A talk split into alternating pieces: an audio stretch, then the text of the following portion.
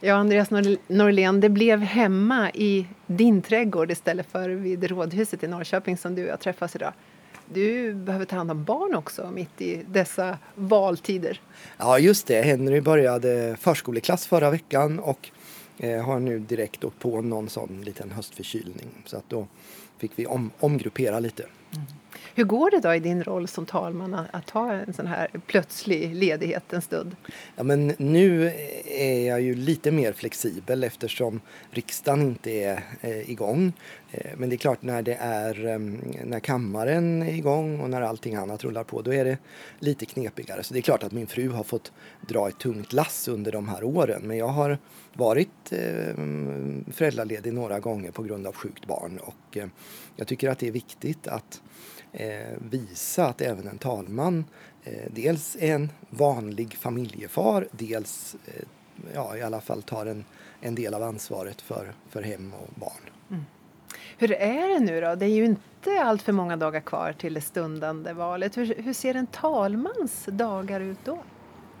Ja, dels eh, har jag en del möten för att förbereda till exempel eh, riksmötets öppnande som ett stort arrangemang och andra saker som, som pågår.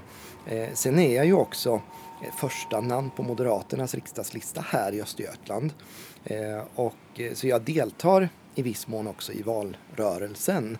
Eh, det är ju, talmannen är ju frånkopplad från det politiska riksdagsarbetet och får inte sitta i utskott och ska vara partipolitiskt neutral hela riksdagens talman.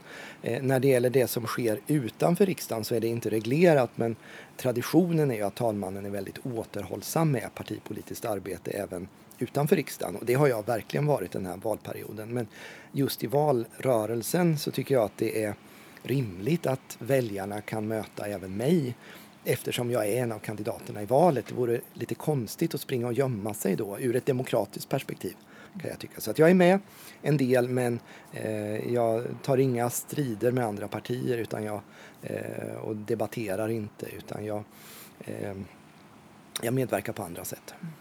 Känns det skakigt nu inför kommande valet med tanke på vad du och hela riksdagen var med om för fyra år sedan, då, 2018, när det skulle ta 134 dagar innan vi fick en regering? Eh, jag eh, tror inte att vi kommer att få se eh, en lika lång regeringsbildning efter det här valet.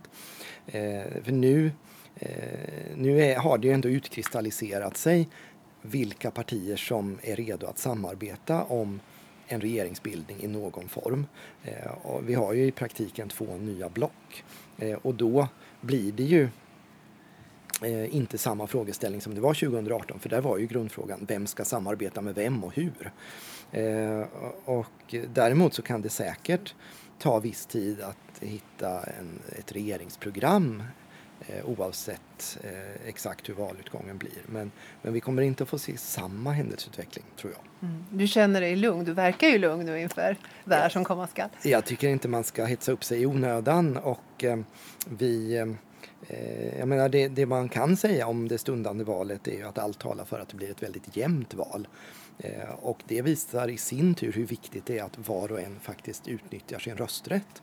Varje röst räknas, varje röst är viktig. Vi har en riksdag nu med 175 för ena sidan, 174 för andra sidan. Eh, och opinionsmätningarna visar ju att det fortsatt är väldigt jämnt mellan de här två sidorna i politiken. Och då Eh, och, och, vi vet också förra gången att vissa av mandaten i riksdagen, där avgjordes det med gans, av ganska få röster vilket parti som fick det ena eller det andra mandatet.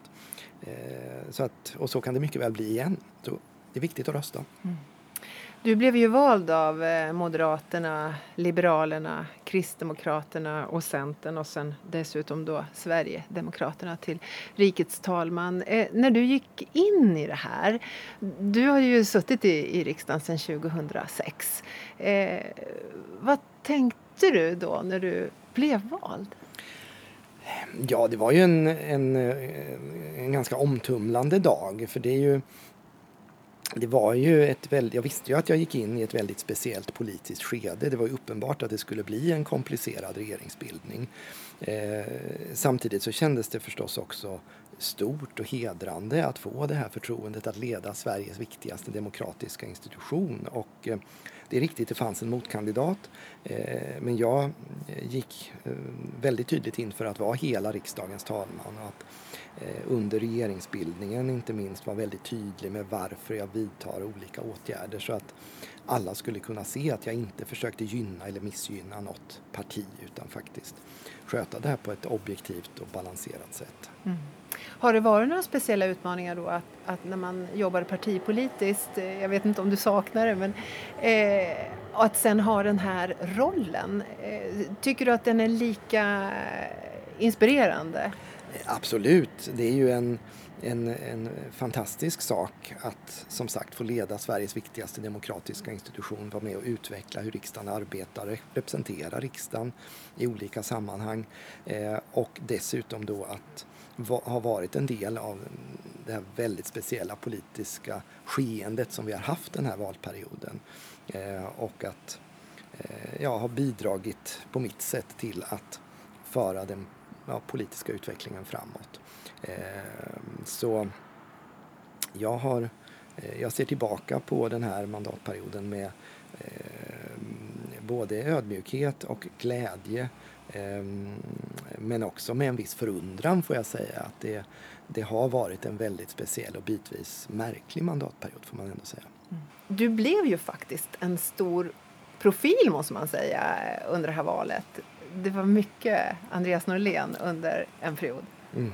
Eh, hur var det att ha ögonen på sig då med alla dessa talmansrunder? Ja, nej men det, jag har hållit på med politik sedan jag gick på högstadiet och eh, som du sa, suttit i riksdagen sedan 2006. Men det är klart att jag aldrig har upplevt någonting i närheten av den, det mediaintresse och intresse från allmänheten som jag mötte då hösten 2018. Så det var ju eh, i sig väldigt speciellt. Men Eh, och, och, det här med att bli igenkänd på gator och torg eller på badstranden eller var man nu befinner sig. Det, det har såklart eh, varit eh, ovanligt även om det också är, så småningom blir något man vänjer sig vid. Men, men eh, jag har mött väldigt mycket värme och eh, vänlighet och det är jag ödmjukt tacksam för. Mm. Kanske har med din framtoning också att göra? Jag vet inte men eh, jag har försökt göra mitt allra bästa för att Eh, utföra de här olika uppdragen som jag har fått och jag är jättetacksam om folk har uppskattat det sätt som jag har gjort det på. Du, jag funderade då eh, vid valet 2018 då när alla de här fikastunderna, talmansrundorna var. Det var väldigt mycket prat om den här kaffekoppen och, mm. och fikat. Hur, hur var de där stunderna? Man sitter rätt ensam med partiledarna mm. och alla ska föra sin talan och, mm. utifrån sitt parti. Hur, hur, hur är sådana här möten? Ja, ja, men dels så blev jag ganska förvånad över att just den här kaffegrejen blev en så stor sak. För jag tycker att det är ganska självklart att man bjuder på en kopp kaffe när man får en gäst på sitt kontor. Det vore ju rätt oartigt annars. Men ehm, eh, hur det var? Jo, men eh, jag skulle säga att vi hade avspända, bra eh, konkreta samtal om det politiska läget, hur de olika partiledarna såg på vägen framåt Eh, vilka olika möjligheter och problem som de såg. Och sen var det ju min uppgift att försöka sammanväga de här olika eh, synpunkterna och hitta en väg framåt. Men blir det när man sitter så här lite mer intimt ensam med någon och det, det, var ju en problematisk situation för, för Sverige just då. Blir samtalet mer på vänskaplig bas eller är man väldigt strikt i det är, ju inte, det är ju inte som ett sammanträde utan det är ju en ganska informell ton. Vänskapligt eh, kanske är att ta i för det är ju ändå eh, vi, är ju, vi är ju inte personliga vänner utan vi har ju våra olika roller. Eh, men det är klart att eh, vi också kunde byta några ord om vardagligheter. Jag vet Jonas Sjöstedt skrev i sin memoarbok om hur vi eh, pratade om det Habsburgska riket. Eh, han utifrån en vänster, vänsterperspektiv och jag hade läst en bok om eh, kejsarfamiljen och så. Och, eh, så att visst hann, man, hann vi med en del sånt också men framförallt så var det ju eh, informella men ändå konkreta samtal om regeringsfrågan. Mm. Eh, Andreas Norlén, du kommer ju från en tidningsfamilj med började tidigt i Moderaterna och Moderata ungdomsförbundet. Hur, hur kom det sig att du halkade in på just politik? Var det mycket sånt, som, sånt prat vid ert köksbord hemma? Ja, det var det. Min mamma var aktiv i lokalpolitiken hemma i Ödeshög där jag växte upp så att det pratade vi en hel del om. Sen var jag mån om mm, så småningom på högstadiet att ändå själv ta ett steg tillbaka och fundera över vad jag själv tyckte var viktigt och riktigt. Eh, och eh, jag fann då min väg in i Moderaterna. Eh, och eh, jag har alltid varit intresserad, så länge jag kan minnas i alla fall, av politik, samhällsfrågor, historia. Eh, och eh, det, det ledde mig till att engagera mig. Och eh, på den tiden, i slutet på 80-talet, så pågick ju också fortfarande det kalla kriget. Eh, och jag tyckte att det var viktigt att ta tydlig ställning mellan förtrycket i öst, friheten i väst och eh, det var också en drivkraft för mig att engagera mig i politiken. Mm. Eh, kunde du någonsin då, eller tänkte du någonsin att du skulle sitta på en sån här post i en framtid? Mm, nej, det kan jag inte säga att jag gjorde och jag har aldrig under alla de här åren eh, haft ambitionen att bli just riksdagens talman. Däremot så har jag varit ganska öppen inför möjligheter och jag har fått många spännande frågor under åren om jag vill kandidera till riksdagen, om jag vill sitta i konstitutionsutskottet, bli KUs ordförande och sen nu då om jag ville bli riksdagens talman. Och jag har alltid närmat mig det här med stor nyfikenhet och tänkt att ja, men det verkar roligt, jag prövar. Och så blev det, du studerade eh, juridik, ja. affärsjuridik och du nämnde ju också här konstitutionsutskottet. Det är ju också en tung post kan jag tänka, ordförande mm. där. Eh, om du jämför nu med att kliva på eh, talmansposten kontra den, vad... Ja men de, det finns ju likheter och det var ju när jag blev nominerad som talman så var det ju, då åberopades ju då mina erfarenheter från KU som en, en merit i sammanhanget. Eh, och KU har ju uppgiften dels att behandla en del sakpolitik som alla utskott. Eh, men framförallt att granska hur regeringsmakten utövas. Och där Eh, jobbade ju jag väldigt nära min vice ordförande Björn von Sydow från Socialdemokraterna för att komma bort från en del av de partipolitiska övertoner som möjligen hade funnits i det förgångna och försöka hitta en gemensam syn på hur regeringsarbetet ska utövas och hur man ska se på olika granskningsärenden som vi höll på med. Och det lyckades vi ju med under de fyra åren som vi styrde utskottet att i princip eh, undantagslöst få enighet i utskottet kring olika bedömningar. Och det, eh, det var ju erfarenheter som jag har haft stor nytta av nu som talman. För där är det ju i ännu högre grad så att man ska lägga partipolitiken åt sidan och samla partierna om en väg framåt för riksdagen som institution och utveckla riksdagsarbetet på olika sätt. Mm.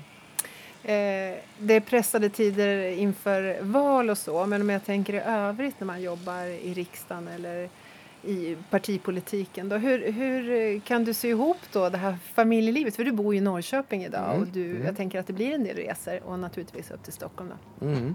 Jo, men det har ju varit ett, eh, ett pusslande under de här åren. Jag har eh, ambitionen att komma hem till Norrköping så många kvällar som möjligt. Eh, för att vi har en sexåring och han saknar sin pappa och jag saknar honom. Och det, eh, jag vill ju gärna att vi ska ha så mycket tid som möjligt tillsammans i familjen. Så det kräver ju ibland en del eh, hårda prioriteringar och det kräver planering för att då eh, Eh, frigöra tid och göra det möjligt kanske att hämta på förskolan. Det är ju inte aktuellt nu längre då när han har börjat skolan men tidigare. Eh, och så. Eh, så att, men det är som sagt Helena eh, har ju dragit ett tungt lass men jag har verkligen ansträngt mig för att vara en närvarande pappa. Mm. Hur är det som pappa då? Eh, ja... Eh, Ska jag fråga Henrik kanske? Ja, precis. Snarare det tror jag. Men eh, jag kan nog... Eh, ja, eh, jag kan nog vara lite för snäll ibland. Då får Helena gripa in och styra upp saker. En lite otacksam roll, tyvärr. Men, men sen tycker jag att det är väldigt roligt att liksom prata om olika saker, att se hur han lär sig och utvecklas. Så att vi, Eh, vi försöker ta tillfällena i akt i vardagen att eh, prata om saker och lära oss nya saker. Som när det är idrottstävlingar på TV så brukar vi också eh, titta på flaggorna och fundera på vilka länder de kan höra till. Och så, där. så Henrik kan ganska många flaggor vid det här laget. Mm. Och, ja, det, det, är roligt, det är härligt att se hur, hur, han växer och utvecklas. Och nästan så att jag tror att han delar mammas intresse för trädgårdsodling. Ni har ju en mängd tomater här i er trädgård till exempel. Det har vi, ett 60-tal eh, olika sorter. Ja, vad undrar du? kan börja gräva. Ja, men det, nu sitter jag ju och pratar här lite grann. Eh, så att du får lugna dig, kan du lugna dig en liten stund till? Hur många minuter? Jag vet inte riktigt men... Om Så, en liten sekund. ja, sen kan vi gräva i trädgården. Inte grävandes idag, eh, klädd som du är idag Andreas. Hur, hur ser det ut om du skulle beskriva dig? Hur...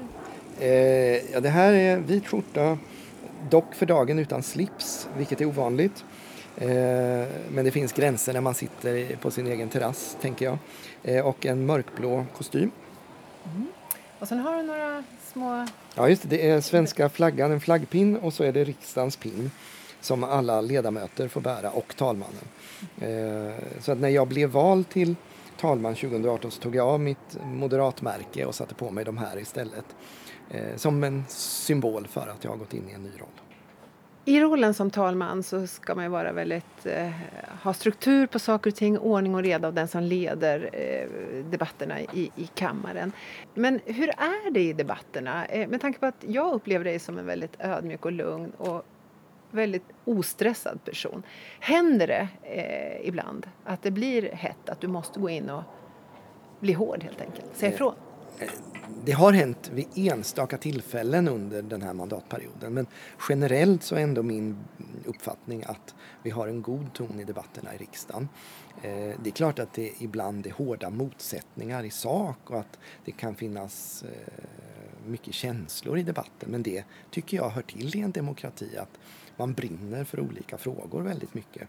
Eh, och det måste man få göra även i riksdagens talarstol. Däremot så får man inte gå till personangrepp på ett osakligt sätt och ifrågasätta den andra som, som människa. Eh, utan det, det gäller ju att hålla en saklig ton i debatten även om man är engagerad och även om man spetsar till argumenten. Och det, det tycker jag generellt att ledamöterna gör. Jag har gripit in några gånger men jag upplever inte att det är ett stort problem. Mm. Hur har det tagits emot då, när du har sagt ifrån? Ja, nej men jag upplever att för det mesta att eh, ledamöterna accepterar det, det talmannen då säger. Och, eh, där eh, är det också viktigt såklart att vara rättvis och inte särbehandla vissa partier eller så, vare sig åt det ena eller det andra hållet utan att eh, ha en, en saklig och en bra grund att stå på när man griper in. Men du, jag undrar, när det hettar till ibland och man märker att det, ja, man har olika syn på eh, olika frågor. Hur är korridorsnacket efteråt då, när man lämnar debatten? Alltså då menar jag i de olika parti, partierna. Min erfarenhet är att ledamöterna är väldigt bra på att skilja mellan sak och person. Att, eh, även om man har haft en tuff debatt i sak så kan man efteråt eh, pratas vid eller ta en kopp kaffe eller så. Eh, och, eh, det innebär ju inte att engagemanget är mindre efter debatten än under debatten utan helt enkelt att Eh, man skiljer mellan sak och person. Att man är inte personliga fiender eh, utan även om man har olika åsikt. Och det, det är en viktig sak tror jag i en demokrati och något som jag också försöker förmedla när jag besöker unga kämpande demokratier där man ofta har en väldigt stark polarisering mellan de politiska partierna. Då försöker jag säga just att det är viktigt att man inte ser sig själva som varandras fiender utan att man alla är kollegor i demokratins tjänst men att man kan ha olika uppfattning i sakfrågor eller ideologiska frågor. Din företrädare Urban Ahlin, han satt en period och du har ju suttit en nu. Men den som satt före Urban var ju sörmlänningen Per Westerberg som satt två perioder. Jag träffade honom i riksdagen en gång och det var ju också det här att när man är väldigt strikt både kanske i sin framtoning och i sin klädsel så ställde jag frågan till honom när du är ledig från något eller kan dra dig undan på ditt arbetsrum. Han hade ju ett litet rum som var hans egna där bakom sammanträdesrummet. Händer det då att du lossar slipsknuten, slänger upp fötterna på bordet och bara lutar dig tillbaka? Han vill inte svara på den frågan så nu ställer jag samma till dig. Gör du det när du blir ensam? Nej, jag har nog aldrig lagt upp fötterna på mitt eh, skrivbord eh, i riksdagshuset. Eh, däremot är det klart att man måste kunna slappna av och eh, ta några djupa andetag ibland om det är en hektisk dag, att man kan gå undan. Men, ehm, Eh, det har jag gjort. Eh, och eh, det är ju bra att kunna stänga sin dörr då även om det ofta inte finns så mycket tid för sånt. Men du nämnde det också själv här då efter valet för fyra år sedan att du blev helt plötsligt igenkänd på gator och på strand och så. Eh, hur, hur, är det då att vara en känd person? Att, känner du att du måste ha en, eh, ja, en, en speciell stil när du möter människor i ett samhälle? Nej, alltså jag tror ändå att människor förstår eh, och eh, tycker att det är helt godtagbart att även talmannen kan eh, liksom klä sig, ha fritidskläder och klä sig informellt. Jag kanske är lite mer noggrann eh, än vad jag var tidigare också med fritidskläder. Mm. Eh, just för att jag vet att många ser och kanske kommenterar, vad vet jag. Mm. Eh, men jag försöker samtidigt att inte göra för stor sak av det. Jag, inte, jag tror att det vore, jag, jag vill inte bli självmedveten utan jag försöker ändå vara ganska avslappnad och inte tänka så mycket på, på det där. Mm. Att folk känner igen mig. Mm. Men är det, är det jobbigt det här att bli igenkänd eller? Nej men just det? i och med att jag har eh, i stort sett enbart mött vänlighet och värme så har jag inte eh, tyckt att det har varit påfrestande och eh, jag upplever också att människor förstår och respekterar om man är i en mer privat situation ute med familjen till exempel. Att de eh, kanske inte kommer fram och ber om selfies då utan men däremot så är det helt okej eh, i andra sammanhang. Mm. Eh, inför det här eh, valet som då var för fyra år sedan, så, eller efter ska jag säga, när ni hade erfarenhet av hur tokigt det kan bli eh, att bilda regering. Eh, då ville du ha fram en bok, eller du funderade på att skriva en bok om det som hände. Mm, hur ja, blev det med det? Alltså jag har inte skrivit någon bok än. Det har jag väl eh, tänkt att i något skede så ska väl jag ge min version av de händelserna och annat som har hänt här. Men det tänker jag ändå behöver, eh, det behöver ha gått en tid eh, för att det ska vara lämpligt. man ska inte komma med memoarböcker mitt i ett pågående skeende. Eh, däremot så initierade jag eller ja, föreslog för Riksbankens jubileumsfond att de skulle initiera en forskningsstudie av eh, den här regeringsbildningen eftersom den var så unik i svensk politisk historia. Och det till min glädje gjorde eh, Jubileumsfonden och det blev en bok som heter just 134 dagar där statsvetare under ledning av professor Jan Theorell har tittat på eh, det som hände och intervjuat olika nyckelpersoner. Mm. Men du är ju inte helt främmande för att, att, skriva, om vi nu bortser från partipolitiken. Du har ju skrivit en del kolumner, har jag förstått. Eh, ja, det har jag. Eh, jo, jag har skrivit mycket genom åren och jag har också skrivit en doktorsavhandling som heter Oskälighet och 36 paragrafen avtalslagen, en riktig kioskvältare. Eh, ja, kanske inte. Men, ehm, eh, och ett och annat, eh, en och annan juridisk eh, text i någon juridisk tidskrift och sådär. Det har jag gjort. Jag tycker det är roligt att skriva. Det är ju, ordet är ju eh, både för politikern och juristen det viktigaste arbetsredskapet, eller språket kanske jag ska säga. Eh, Andreas Norlén, du har ju också fått en del utmärkelser såg jag. Kan du berätta om dem? Vad är det för utmärkelser du har fått? Eh, ja, I samband med statsbesök så eh, finns det en långvarig praxis att man utväxlar ordnar eh, mellan eh, Eh, besökande och land och värdland. Så jag har fått eh, ordnar från Italien, Tyskland, Spanien och Finland eh, i samband med statsbesök som har ägt rum under mandatperioden. Så jag har, eh, och de bär man ju framförallt till högtidsdräkt, alltså frack. Så jag har fyra kraschaner. Sen måste man ju välja band då. Man kan inte ha mer än ett band, men man kan ha flera kraschaner. Sen har jag faktiskt fått en utmärkelse till som eh, ju är eh, lite mer för något jag faktiskt har uträttat. Jag fick Sveriges veteranförbunds silvermedalj mm -hmm. i mhm. våras eh, som en, en erkänsla eller tack för att jag har eh, tagit olika initiativ för att lyfta fram våra svenska veteraner. Så jag har till exempel initierat en flagghissningsceremoni framför riksdagshuset på veterandagen den 29 maj då vi minns Sveriges eh, militära och civila eh, veteraner. Eh, och det, eh, de här statsbesöksordnarna är ju mera, det är en del av protokollet under ett statsbesök. Men den här medaljen är ju för någonting som jag faktiskt har uträttat. Vad, Det bet- vad betyder det då? Jo, men jag tror att eh, medaljer, eh, utmärkelser av olika slag är, är viktiga därför att det, eh, jag tror att det är viktigt att vi uttrycker vår uppskattning eh, för det som är eh, när någon gör någonting bra. Eh, och eh, nu kommer det ju efter eh, lång tid att återigen bli möjligt att dela ut ordnar till svenska, alltså svenska ordnar till svenska medborgare. Det har ju, inte, eh, det har ju legat i, i malpåse i 50 år eh, och nu kommer ju det då återaktiveras eh, efter ett riksdagsbeslut. Eh, och jag tror att sådant har betydelse. Eh, jag tror, jag tycker ibland i Sverige att vi är lite dåliga på att eh, uppmärksamma den som gör någonting bra.